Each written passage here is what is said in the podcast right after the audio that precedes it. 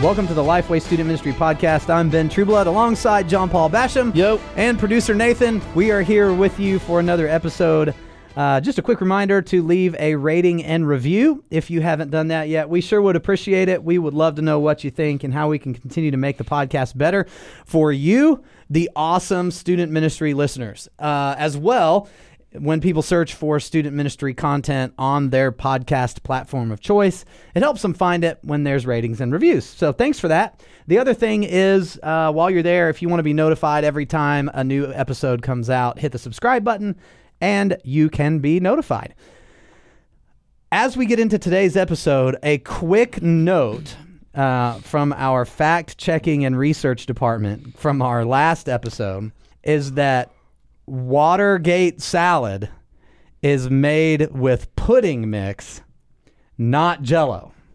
So, for those of you that are big Watergate salad fans, uh, you you were very upset about our mistake. You were you were or were you never heard of it and tried to make it with Jello Yeah, mix. That's right. or you tried to pull it off with Jello mix, thinking we were on to something special. This is watery. It is. it's kind of gritty. Uh, so I'm sorry about that. Um, our research and fact checking department, otherwise known as producer Nathan, found that for us, and we we want to repent and make sure you know the truth. For today's episode, we're going to talk about Black Friday. Black Friday. Here's the reality: some of y'all got up at two in the morning or never went to bed day after Thanksgiving, and you went and stood in line to get something a TV, a pair of iPods. I mean, AirPods. Maybe a pair of iPods. Pair of iPhones. I don't. you went and do they stood even, at the pawn shop. do they even make iPods anymore? Oh man, I would now if pawn shops did Black Friday. I'd go check it out. That'd be awesome. Sometimes you can find you a good second-hand deer rifle at Mm-hmm. a pawn shop. My first deer rifle ever, lever action 3030, I got from a pawn shop. I like it. So, but the reality is, some of y'all got up, you went and stood in line, you had a tent, you you did something to go buy those air pods, or uh, TV, or some type of game system, or a piece of furniture. You you were out there. Have you ever done it? Have you ever gone and fought the Black Friday situation? I have. It's been some time. yeah. It's been so long ago that I stood in line for a camcorder. That's how long it's been. Yeah. It's been That since tells the you days anything. of tape camcorders. yeah. I love it. I've never done it. Never one time. I have stood in line in the middle of the night for the release of the World of Warcraft Burning Crusade expansion when it was still discs. So I stood outside of a game shop, but it wasn't Black Friday. I've never done the Black Friday thing. Have you stood outside for a phone? No. Never stood outside for the phone. I've done the iPhone wait before. How was that? It was fine. I was like third in line because it was a not a popular store. That was third out of ten. Have you ever done the Chick Fil A thing? The the year of Chick Fil A. no, no, but I do want to do that. So that is a wait all night for something that you're here for. Yeah, but they have things, entertainment. Yeah, it's like a programmed event. Yeah, I would love to take my two older boys at some point and camp out in the Chick Fil A parking lot. Yeah, I think that'd be fun.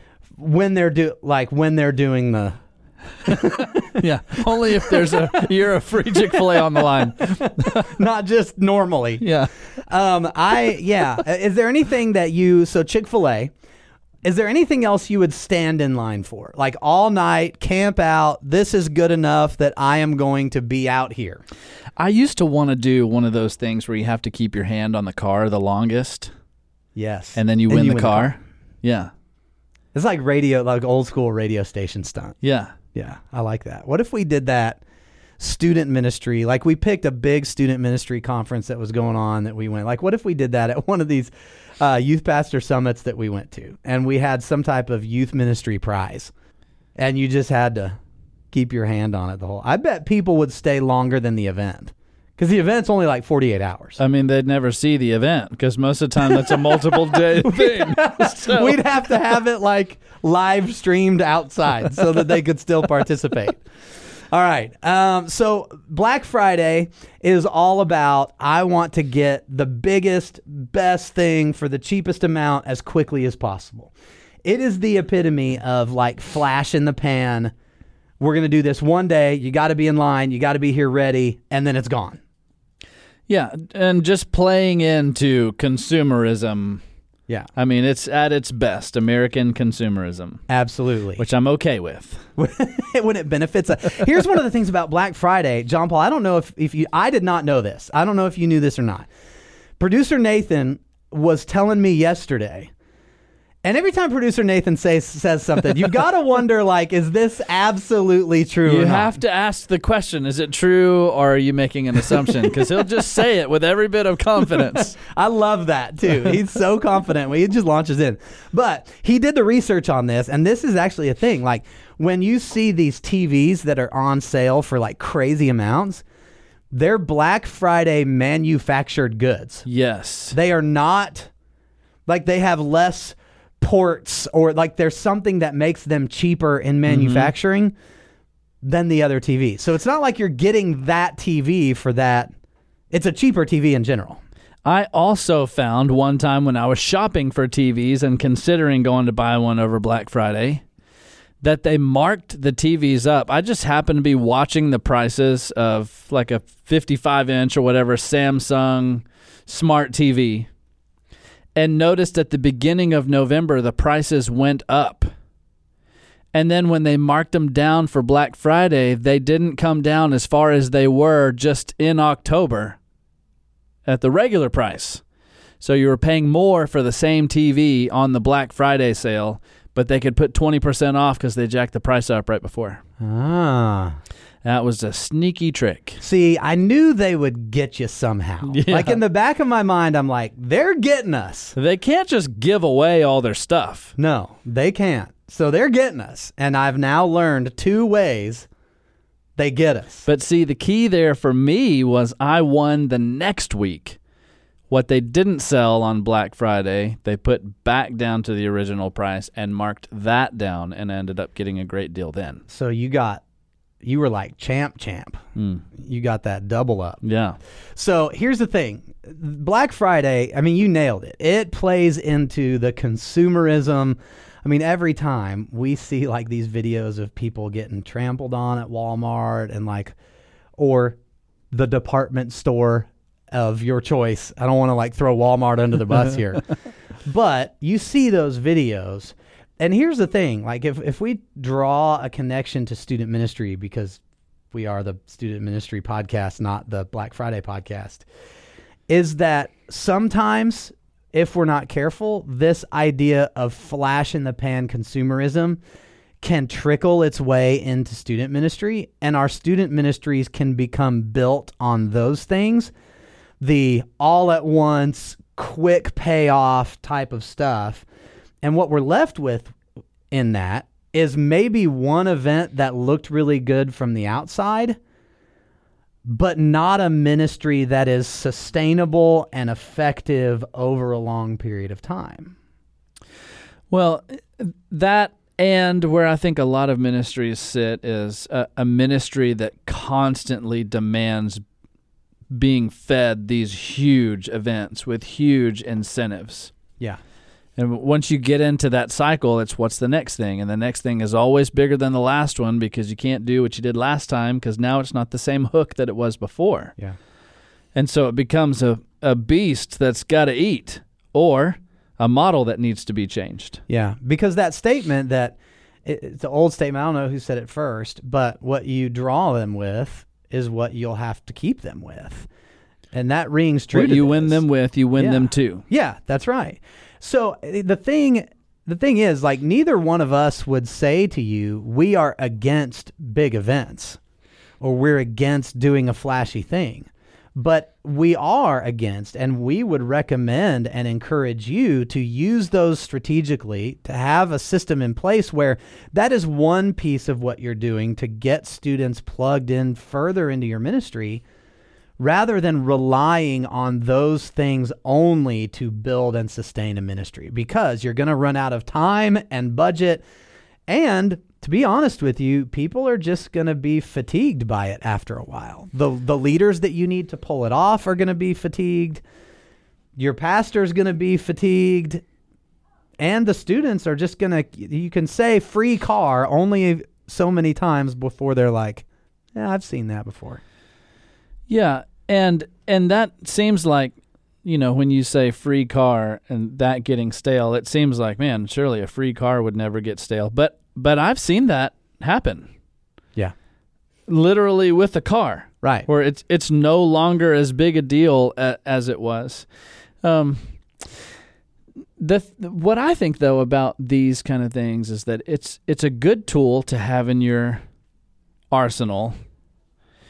Um, but you need to decide where and when you're going to use that kind of event. How does it fit into an overall student ministry strategy? And that strategy has to be built on some kind of a mission, some kind of a direction that you have. And so if you have this mission of let's just give the broad mission of making disciples. But all you ever do are these big, like you called it, flash in the pan, kind of you know, consumeristic sort of big prize giveaway, just uh, everything is about drawing the crowd kind of event. Yeah. Then what you have is a significant mission drift from making disciples. And so if you want to combat against that mission drift, then that kind of an event has to have a very specific place. For example, like a top of the funnel introduction to your ministry, you know, the big hook in the water that you've got one or two times a year to draw a ton of guests in. But then the following events aren't just the same thing because those people that come and hopefully come back a second time because they had a great experience aren't going to grow by being given an opportunity to win another prize. Yeah. They're going to grow as you strategically move them down this funnel toward salvation and spiritual growth and sanctification. So strategically where does that fit? And I would say when you when when you hold those things back, it makes that kind of an event pop even more. It makes it even more exciting when you say, "Man, remember last year we did this thing, you know, we haven't done done it since then. We're going to do it big here." You know, it's not like, oh yeah, we did that last month and the month before and the month before, and now my friends are tired of hearing about it. Yeah. Yeah. So don't be afraid of doing it. Don't be afraid of of having a flash in the pan kind of thing. But that can't be all there. So if we take the hibachi restaurant as an example here. This is interesting, and I have no idea where you're headed. You've been to one of these. I have. They cook in front of you. It's the Japanese restaurant.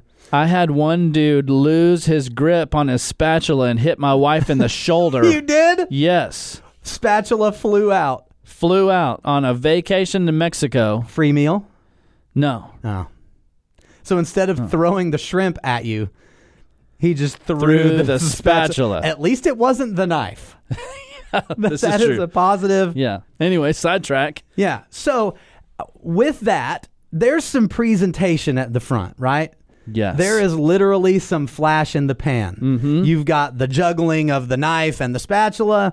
You've got cracking the egg, and you've got throwing the shrimp, and you've got the volcano The with an onion volcano. stack. You've got all of that stuff. But he doesn't just leave after that.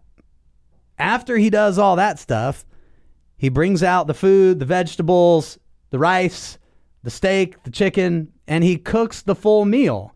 And though you remember how cool the flashy part was, there's still some nourishment there. In the end, you ate. Yeah, there's still like you wouldn't go back just to watch someone light a stovetop on fire.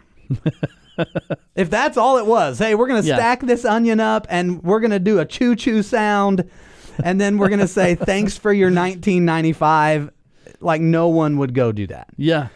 But it is part of the experience, but it leads you to something else. And I think if we if we can use the Japanese hibachi here, like you've got to think through what the steak and chicken are for the ministry. Don't be afraid to trot the onion choo choo out there. we want you to do those things. Like we have things here at Lifeway Students that support you and resource you to do that stuff. But at the same time, that's not your ministry. And if it is, if that's all your ministry is, then it is something that lacks substance and it's something that fails to truly move students through a pipeline of discipleship. And you're going to look, and here I think is one of the real dangers. I think a ministry based solely on flash in the pan, big events, and you live from big event to big event to big event burns you out as a leader. I think it I think it can. I don't want to say it does every time. But I think it can build the mindset of look what I'm doing. Look what I'm pulling off here. Yeah. And it can begin to create a foothold of self dependence and pride when this is something that you depend on only in your ministry. It should be a piece, not what your ministry is built on. And there and again, for more than just ministry health, for your personal health as a leader, you'll begin to define yourself by what the big event does. And if it's good, you'll go home happy, and if it's bad, you'll beat yourself up and both ends of that spectrum leave you in a prideful state. Yeah. Man, I love that illustration. I had no idea where you were headed, but I think it's great. And what's cool about it is if you like that kind of food, I don't ever go back to a hibachi place because the show was great. Right. At, at, the front, like you were saying, what I think about is, man, that food was killer. Yeah. And what kind of stands out to me is sometimes you have to win them with a little bit of that show. You draw the crowd with the show sometimes, and that's okay. But you want them to see how good the meal is. Yeah you want them to remember that part. Right. and so eventually the the experience that you want them to crave is not the prize giveaway and the hype of the event. The experience you want them to crave is when they met with the lord. That's right. After having come there. And when that becomes the reason that they come back to meet with the lord and to grow in the lord and to be with the body then i think that that's when we're really moving toward real discipleship. Man, I agree. And if we want to even tease this this out a little further, you can get steak and chicken and fried rice and vegetables from just about every Asian restaurant. But there's something different about the taste when it's on the hibachi. When like you see it, there's just something about it seems fresher. I don't know what it is, but there's something there that's different. And I would say the same thing about a ministry that does what you just said, that shows people taste and see that the Lord is good. Yes, come to all these stuff. And here's the reality Jesus fed 5,000 people. If you're not, if you're trying to tell me that's not a, fa- a flash in the pan moment of Jesus' ministry, you're wrong. It was. He fed 5,000 people. Yeah. As a miracle. Five loaves of bread and two fish. It's not like he, we all know the story, right? But he also immediately turned around to that crowd and says, Here's what it means to follow me. Some stayed and some left, right? Yeah. But he pointed them back to himself and said, Here's what the real bread of life is. You're following me because of that. Here's what it really means to follow me. Here's the reality of that flash in the pan stuff. Everybody does it. Everybody does it. People do it on Black Friday. Target does it. Walmart does it online people like it ha- everybody does it. And student ministries do it. It's the easiest the easiest thing to do is to have a flash in the pan moment. What separates the church from all of these other flash in the pan moments like concerts and all this stuff is tasting and seeing that the Lord is good. That is the real Holy Spirit driven hook that we have that nobody else that nobody else has. And there are a lot of student ministries that continually roll out these events over and over and over and over. And a ministry that truly points their students to Jesus is maybe more rare than we think in this conversation. Yeah, and I mean that just speaks to what we see in scripture that this walk with the Lord that he invites us to is what is everlasting. When everything else in this world is fading away, is temporary, what the Lord offers is everlasting. Yeah. And that's what we have to lead them to. And and it's it's easy to be tempted because of the results you can get from those kind of events. And because you have a desire as a student pastor to be relevant and to be, you know, sometimes we want to just be the coolest student ministry in town. Yeah. It's easy to to fall into wanting to stay there but then we're only leading them to fleeting things still you know? And so if our if our ministries are leading to fleeting things and not what is everlasting then then we're missing the mark. And that's not to say if this is the mark of your ministry don't walk away from this saying man i'm the world's worst. Right.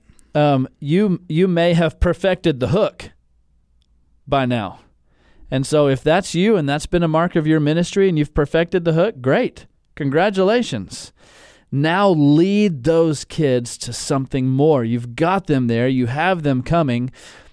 Don't miss this moment to strike while the iron's hot if you have them coming to things like this, but begin to think through what are the next steps. You got to take them beyond where they are. Yeah.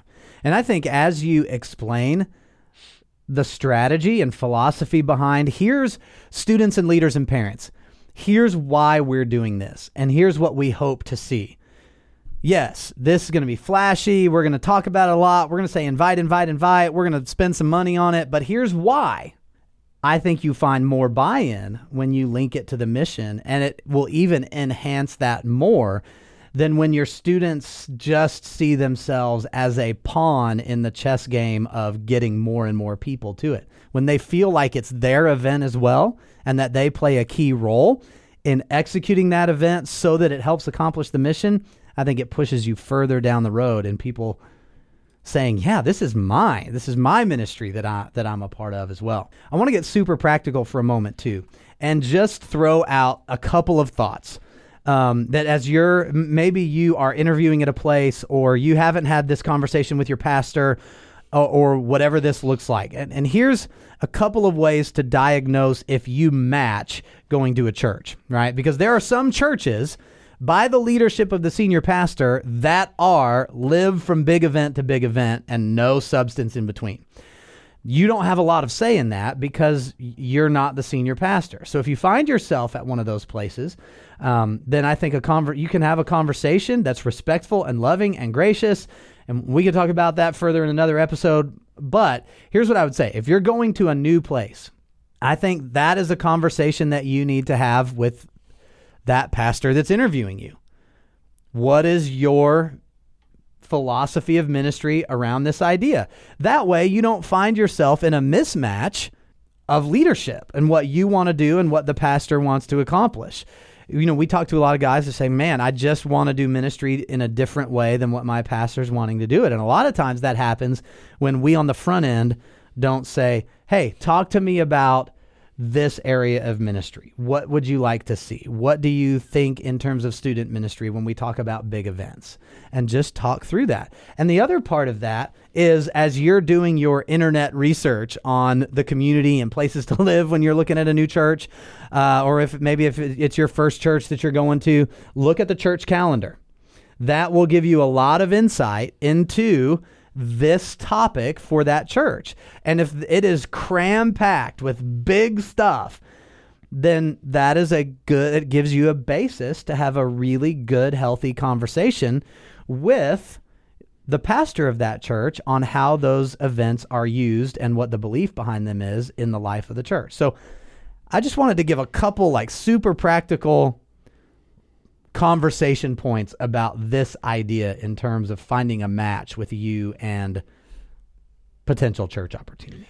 Yeah, I, I think that's really good. And it reminds me of something that our friend Dave McNeil says when he comes to teach at our Student Pastor Essentials conferences that if you are in that place where you ha- you feel like there's a mismatch between you and your leadership, sometimes it's helpful to just step back for a second and remember, I said yes to this. Like they didn't make you get on their staff. You went there wanting to be a part of that staff. Yeah. So sometimes it's good to just kind of step back and say, okay, I agreed to this. I felt the Lord leading me to this. Yep. So, Lord, help me remove the the bitterness and um, anxiety that's in my heart and in my mind as I'm trying to as I'm trying to sort all this out and come back to that posture of, oh yeah, the Lord led me here. So so now from that place, Lord, what do we do to move forward and in conversation to to sort it out?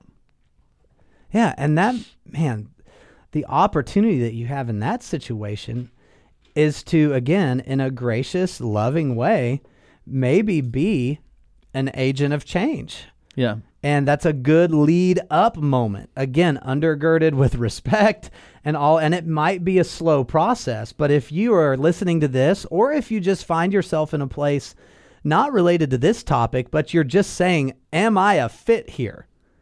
Maybe the point there is not that you leave and find a place that you are a fit, but that there are some things that God uniquely gifted you to do and put you in that place to help that church take some steps in that direction with you as a part of it as you lead up and lead laterally, laterally the people around you. Yeah, that's good. That sounds like a great place to wrap it up. This has been another episode of the Lifeway Student Ministry Podcast.